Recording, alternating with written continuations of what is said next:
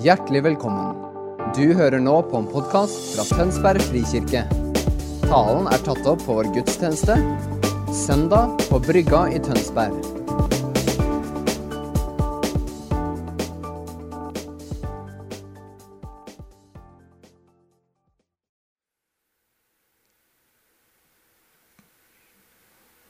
Kom, Herre Jesus. Tal til oss. Amen. Jeg må ta meg inn litt. Nå kjenner jeg at han puster på meg, altså.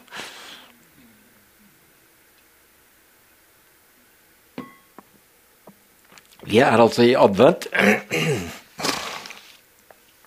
Adventssøndagene handler om Jesu komme og vår forberedelse.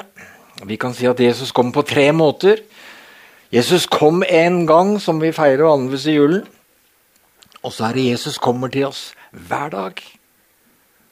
Det er hele året. Og så feirer vi at Jesus kommer en dag. Det må vi ikke glemme. En dag kommer han og henter sin brud. Jeg har tatt meg den frihet å bytte teksttrekkene, slik at hvis dere følger teksttrekkene, som ikke så mange av dere kanskje gjør, eh, så er det nå den talen som nå kommer, er fjerde søndag i advent, selv om det er tredje søndag i advent. Og det gjør jeg fordi jeg bare gjør det. Noen fordeler må man ha som gamle pastoren. Prekenteksten er da fra Lukas 1 og er om Marias lovsang for det under som Gud gjorde med henne. Lukas 1 begynner med Elisabeth og Zakaria, altså far til eh, Johannes døperen. Zakaria, Elisabeth og Zakaria det var ekteparet som Maria er eh, snakk om etterpå. Unnskyld. Men de to var altså eldre og kunne ikke få barn. Og så kom en engel som viste det da for Zakaria, og sa at han skulle få en sønn som skulle få mange til å vende seg om til Gud og forberede en veien for Messias. Men Zakaria han svarte engelen med tvil, og det er vers 18. og du får det her på veggen. Hvordan kan jeg være sikker på dette? Det er et menneskelig svar. Jeg er jo gammel, og min kone er også langt oppe i årene. Og Det førte da til en reaksjon fra engelen, som da presenterer seg. Han sier 'Jeg er Gabriel'. Og Hvis du da skjønner navnet på engelsk, så skjønner du at dette er en av de store gutta som plutselig er der. Og sa som konsekvens på at du tvilte, så skal du være stum til barnet ble født. Fordi du ikke trodde engelens ord.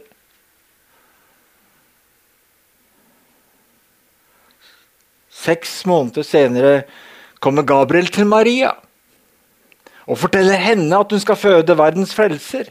Og Så ser vi at hun reagerer annerledes. Hun tvilte ikke, men spør hvordan skal dette kunne skje? Og Gabriel forklarer underet som skulle skje ved Den hellige ånds kraft. Og Så slutter engelen med vers 37 og sier for ingenting er umulig for Gud. Det er godt å få det klart da. Derfor er hvert ord fra Guds munn en mulighet. Om vi kunne huske det. Så skapes barnet i Maria. Hun drar opp til Elisabeth, som kjenner at hennes foster reagerer på Marias foster. Og hun proklamerer så, inspirert av Den hellige ånd, i vers 45.: Salig er hun som trodde, for det som Herren har sagt henne, skal gå i oppfyllelse. Og så kan vi lære mye om Maria. Hun hørte engelens ord, som beskrev noe umulig. Og likevel så trodde hun hans ord. Derfor var hun salig, som betyr kjempeheldig. Så kjempeheldig at hele verden skulle høre om det. Fordi hun trodde. Det store Gud skulle gjøre i og gjennom henne. Så kommer Marias lovsang. Lukas 1, 46-55. Jeg leser bare noen av versene. Min sjel opphøyer Herren, og min ånd fryder seg i Gud, min frelser. For han har sett til sin tjenestekvinne i hennes fattigdom. Og se, fra nå av skal alle slekter prise meg salig. For store ting har han gjort mot meg. Han, den mektige, hellige er hans navn. Fra slekt til slekt varer hans miskunn over dem som frykter ham. Og så beskrives det noe videre. Alt dette handler altså da om Jesu første komme, og hvordan forberedelsen var. De hørte Guds ord, tok imot det og trodde og erfarte Guds under. Og så Ved Jesus' fødsel så skjer det noe helt ekstraordinært. Gud selv på en måte invaderer jorden for å bringe menneskehetens frelse og forløse Guds rike blant menneskene. Guds vilje og hans virksomhet inn i vår verden, som er preget av det motsatte. Hvordan kan dette se ut som hos oss? Hva er Guds løfter som vi skal tro og ta imot? Og hva er Guds løfter til oss som menighet, som vi skal ta imot og tro? Høsten 2006, det er noen år siden, talte jeg over temaet 'Menigheten er jordens største under', fordi menigheten er en himmelport. Det var ikke denne håndsoppretningen som hvem som var her da. Men jeg forkynte da at Jesus har det evige livsord. Det vil si at Jesu ord og hans profetiske ord har skaperkraft i seg, og det må vi aldri glemme. På lignende måte som ordene til Zakaria og Maria. Og Jesus stilte da spørsmålet Jeg stilte spørsmålet om hva er Jesu ord til oss som menighet? Profetiske ord som Gud vil at vi skal forholde oss til og ta imot i tro. Så pekte jeg på vår visjon og vår drøm. At vi drømmer om en menighet som er overstrømmet av kjærlighet til Gud og mennesker. Så om det profetiske bildet i Esekel 47. Ord om at Gud ønsker at Den hellige ånd skal bringe fornyelse og være kraft kilden i menigheten. Og Det talte jeg senest om i begynnelsen av september denne høsten. Så talte jeg om det jeg skal komme inn på nå, om et annet bilde som beskriver noe av det samme, bare i andre ord.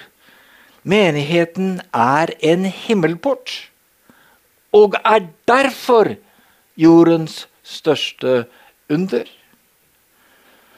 Menigheten er jordens største under. Hvorfor? Ofte så sier vi at den er den største plunder. Skal ikke være pastor lenge før du skjønner det. Ja, det var ikke det jeg skulle snakke Maria priste Gud for det under Gud holdt på å gjøre.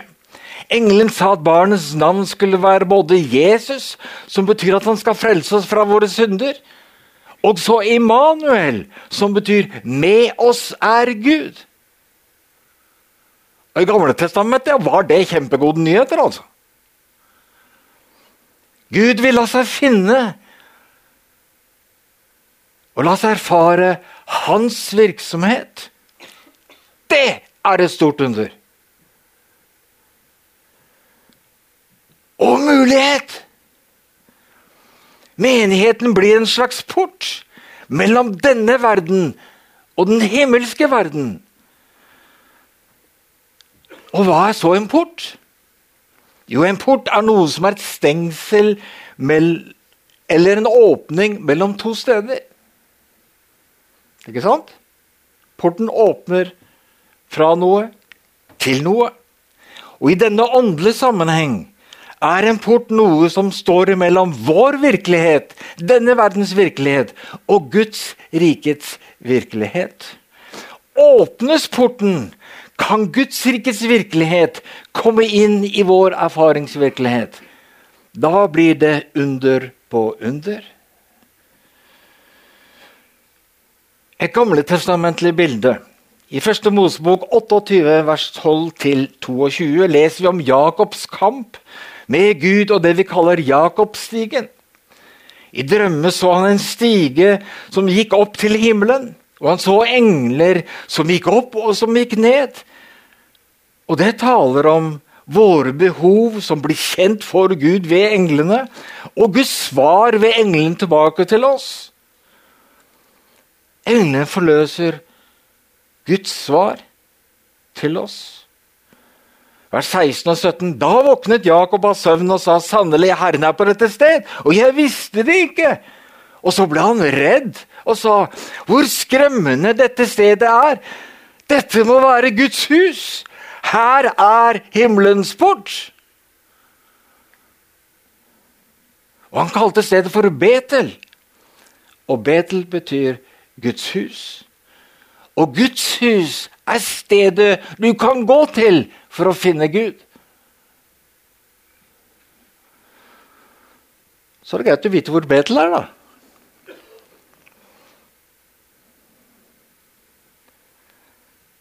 Jakob visste først ikke at Gud var der.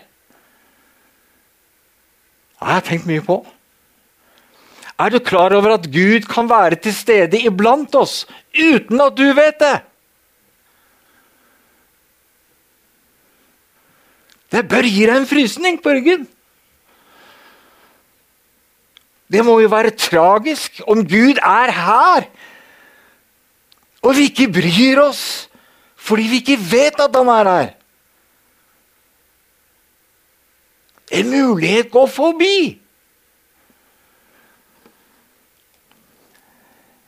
Anvendt hører handler om å høre og ta imot Guds ord eller tilbud til oss. Zakaria hadde en tvilende holdning. Maria en trosholdning. Og hun fikk erfare ordets virkelighet. Historien om Jakobstigen, er det bare en spesiell historie fra Gammeltestamentet? Eller peker den profetisk imot menigheten i Det nye testamentet? Det er jo greit å vite. Og så ser vi at Jesus bruker det samme bildet når han, taler, han kaller Nataniel. Og Da er vi i Johannes første kapittel, vers 47 til 48. Og det kom på veggen. Og Da leser vi Jesus så Nathaniel komme gående og sa, Se der er en sann israelitt, en som er uten svik. Hvor kjenner du meg fra? spurte Nathaniel. Dette her overrasket han da Jesus sa det. Og Jesus svarte, Jeg så deg før Philip ropte på deg, da du satt under fikentreet.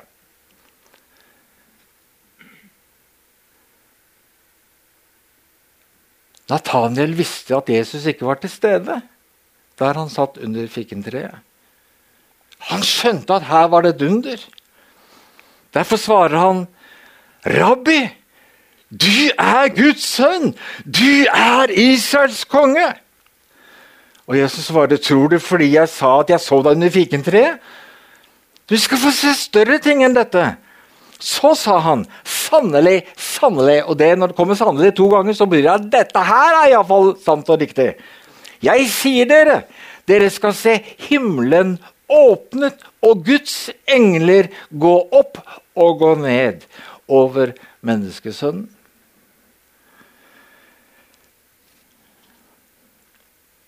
Nathaniel skjønte at det var noe ekstraordinært med Jesus, fordi Jesus altså visste ting om ham. Jesus refererer så til uttrykket som Jakob brukte om himmelen. Himmelen er åpen. Det betyr at det som hører Gud til, kan gripe inn i vår erfaringsverden. Og at dette skulle Nathaniel få erfare. Det poengterer et åndelig skifte ved Jesus. Gud kommer nærmere. Ikke bare nærmere, men hans virksomhet i sitt nærvær vil forløse Guds vilje og kraft på jorden. Guds rikets virkelighet bryter igjennom denne porten som er åpnet. Og dette blir så illustrert ved Jesu undervisning om Guds rike og alle undrene han gjorde. Så er det viktig å få med seg dette. Det var ikke bare en demonstrasjon mens Jesus var her på jorden, men en åndsvirkelighet som skulle få prege Guds menighet fra da av. Gud vil at himmelen skal være åpen over Jesu menighet. Det profetiske ord om at det skal være et Betel, skal være til stede i menigheten. Det skal være et sted hvor mennesker som kommer, skal erfare Gud og hans vilje.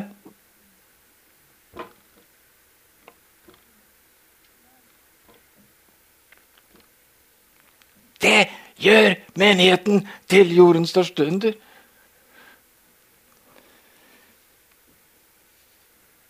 Så er utfordringen da med alle profetiske løfter og det Gud ønsker å gjøre, hvordan responderer vi? Jeg holdt på å si, Hvordan holder vi advent? Forstår vi det? Og som Maria, gir vi rom for det? Har for våre øyne? Har i våre bønner? Det er profetiske ord som Gud ønsker å virkeliggjøre iblant oss.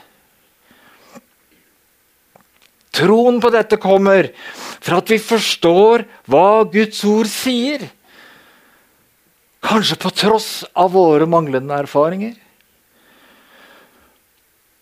Og La meg nå fortsette med å si noe om hvordan Jesus talte om det. Johannes 14, rett etter at Jesus taler om at vi skal få talsmannen Den hellige ånd, han som skal bli hos oss og hjelpe oss med alle ting, og minne oss på hva Jesus ønsker å si oss i enhver situasjon, kommer vi til vers 21, som egentlig er veldig kjent. Jeg er ikke alltid sikker på at vi skjønner hva Jesus der sier. Men da leser vi 'Den som kjenner mine bud og holder dem', han er den som elsker meg. Og den som elsker meg, skal min far elske. Ja, også jeg skal elske ham og åpenbare meg for ham. Åpenbare betyr å fjerne et dekke som skjuler noe. Du tar bort noe som ligger over det du skal se. Det er åpenbaringen. Amplified Bible har en vending på det som jeg liker. De skriver det slik Make myself real to him.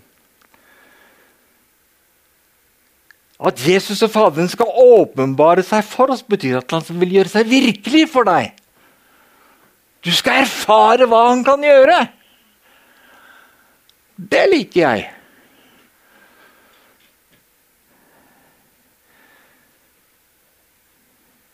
Hvem vil erfare det, at han gjør seg virkelig for en? Det står en betingelse her som vi ikke alltid ser. De som elsker Jesus, vil han åpenbare seg for. Men er det ikke slik at Gud elsker alle mennesker, da? Elsker ikke Gud hele verden? Åpenbarer han seg slik for hele verden? Nei. For hvem da? Det er altså en forskjell på Guds kjærlighet til alle og at han gir sin kjærlighetsrespons eller åpenbaring til noen. Og hvem er de noen? I vers 22 og 23 så spør eh, en av disiplene nettopp om dette. Hvorfor åpenbarer du deg for oss og ikke for verden? Og Jesus svarer at grunnen til det er at Gud ikke åpenbarer seg slik at hele verden og overfor hele verden pga. deres manglende kjærlighet.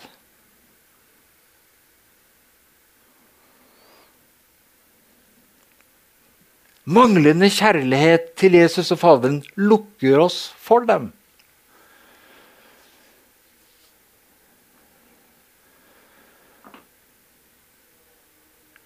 Vi vil ikke gjøre som han sier, det han kaller oss til å gjøre. Slik at han kan gjøre det han ønsker å gjøre i oss. Vi har stengt portene for han.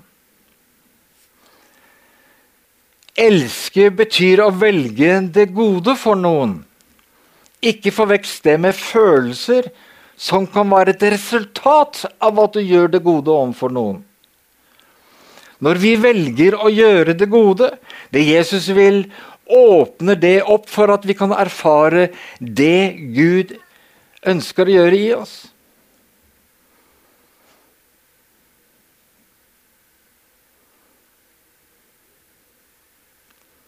Fra et himmelsk perspektiv har Gud bestemt at Jakobstigen, en åpen himmel, skal etableres i de troende og i hans menighet. Det skal være et Guds hus. Betel, som skal være et sted hvor vi kan finne ham og erfare Guds virksomhet i og blant oss. Det er det profetiske ord. Det høres umulig ut. Ja, men Gud gjør det umulige mulig ved sitt ord. Og at vi gjør som han sier.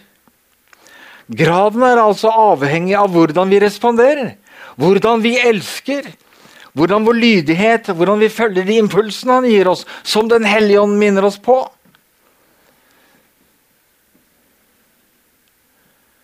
Vår respons åpner opp for Guds respons eller hans virksomhet. Så er det noe som jeg vil at du skal legge merke til. Det fine med Guds menighet er at Gud forholder seg kollektivt til den. Det betyr at det menigheten ved noen mennesker i menigheten har åpnet opp for ved sine riktige valg, ved at de har valgt å elske Gud og være lydige mot det han ber dem om å gjøre, kan du fordele i bare ved å komme innom. På en måte kan vi si at det er urettferdig. Men det er et av undrene i Guds menighet. Noen han kaller ut til å søke han, elske han, og som åpner himmelporten over den forsamlingen.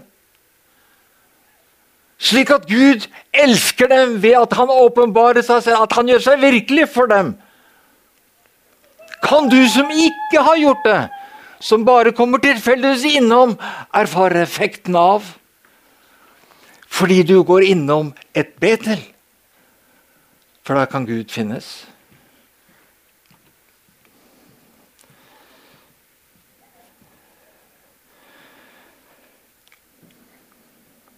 Så tror faktisk jeg da, fremdeles, som jeg gjorde i 2006 at Gud har sagt at han ønsker iallfall at denne menigheten Han ønsker det for andre menigheter også, men jeg opplever en tiltale at Gud ønsker at denne menigheten skal være et Betel.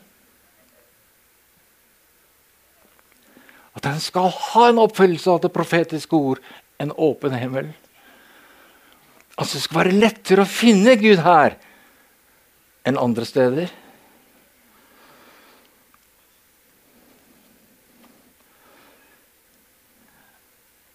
Jeg tror faktisk vi har beveget et godt stykke fra 2006 til nå. Gud er lettere å finne nå enn i 2006.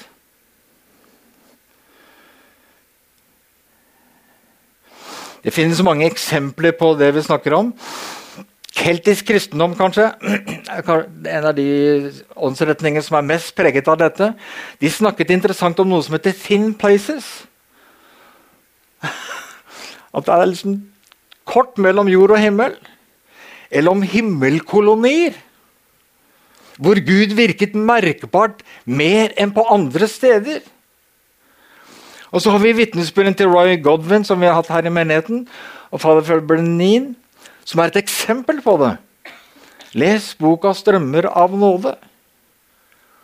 Der var det noen som hørte Gud, gjorde som Gud sa. De altså elsket Jesus. Det forløste hans nærvær, for han åpenbarte seg for dem. Slik at folk fra hele jordkloden kunne komme og erfare det Guds nærværet. Som de ikke hadde gjort noen ting for å erfare. Men noen på det sted hadde gjort det.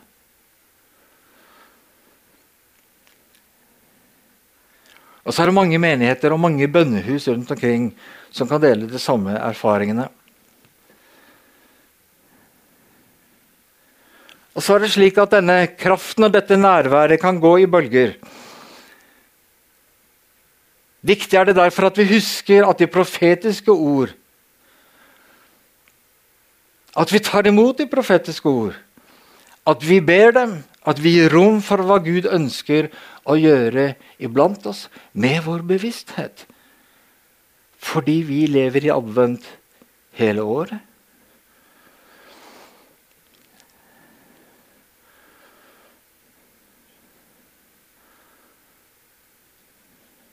Skal dere ha et eksempel? Et lite et. Ikke kjempestort mirakel, men egentlig, egentlig nokså stort mirakel fordi det er personlig. Jeg syns det var veldig bra. 20. november. Emma Grytnes taler om takknemlighet. Veldig bra hvis du ikke har hørt den. Så fikk vi et vitnesbyrd om et bilde av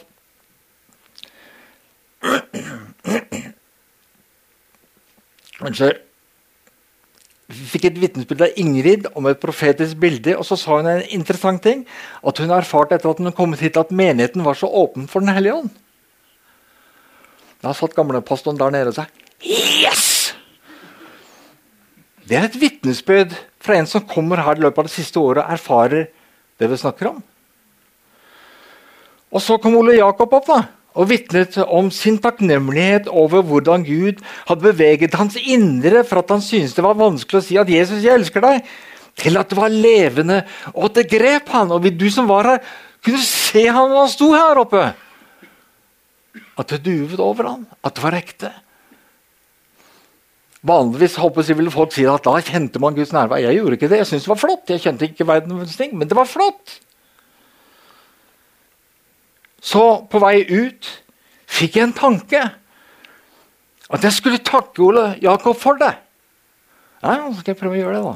Så traff jeg han, han jeg gikk den veien, han gikk den veien. Så møtte jeg han der oppe, utgangen. Så sa jeg, 'Ole Jakob, jeg takker deg for dette.'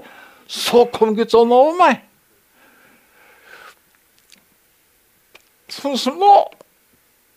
Jeg ble beveget. Og så skjønner jeg, Gud, nå gjør du et eller annet. Og så gikk jeg ut, og så merket jeg effekten. Jeg hadde tiden før vært plaget av litt tungsinn. Der slapp det!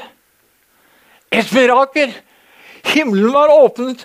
Gud pustet på meg og gjorde noe i meg som jeg selv ikke fikk til.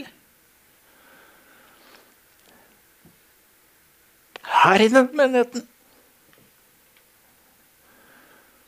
var flere av oss var lydige mot det Gud gjorde.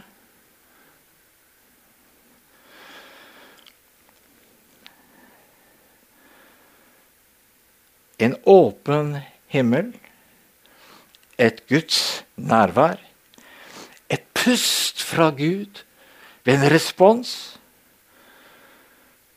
og en erfaring av Guds virksomhet.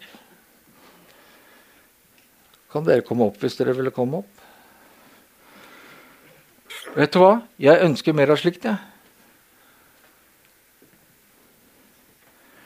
Jeg sier, 'Kom, Herre Jesus'. Kom med ditt gode åndsnærvær. Ta mer bolig hos oss, og la oss mer erfare din gode kjærlighet under åpenbaring iblant oss. Så skal du få siste bilde. Det står der allerede, ja. Advent. Zakaria og Maria hørte begge Guds ord ved engelen Gabriel. Maria responderte i ydmykhet og tro på at Gud kunne gjøre med oss det som ser umulig ut menneskelig. La oss så forberede oss, vende oss mot ham, forvente og be om mer av hans komme kommer i oss. For vi er et Betel. Vi er et Guds hus. Det betyr at himmelen er åpnet. Og han ønsker å være til stede, åpenbare seg for oss. La oss bekjenne det og ta imot det og leve i det. Herre Jesus, levendegjør disse ord inni hver enkelt. Vis dem hva dette betyr i deres liv, hvordan de skal respondere. Så ber vi at du fortsetter å ta oss på denne reisen. At du åpner opp denne åndelige virkelighet for oss. Herre Jesus, slik at det skal ryktes andre steder. At komme hit. Dette er et Guds hus. Der kan jeg finne Der kan jeg erfare deg, Jesus. Være levende for meg. Amen.